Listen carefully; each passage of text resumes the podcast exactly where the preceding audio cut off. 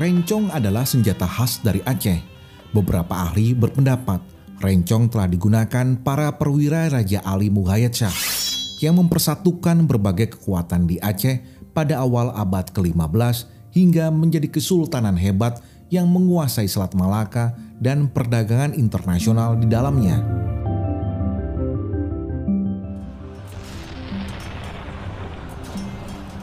Rencong juga kemungkinan telah tampil dalam berbagai perlawanan panjang melawan Portugis. Juga saat rakyat Aceh melancarkan perang suci melawan Belanda pada akhir abad ke-19 hingga awal abad ke-20. Karena sejarah panjang itulah, rencong buat orang Aceh bukan sekedar senjata, tapi juga bermakna sebagai perlambang keberanian, keteguhan, kehormatan, dan kepahlawanan. Tak heran rencong sekarang juga telah menjadi pusaka yang dianggap memberikan kekuatan bagi para pemiliknya. Rencong sebagaimana keris di Jawa, termasuk dalam senjata yang digunakan dalam pertempuran jarak dekat.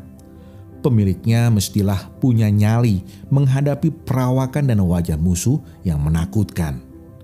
Gerak tubuhnya harus lincah berkelit dan akhirnya melukai musuh dalam jarak yang dekat pula.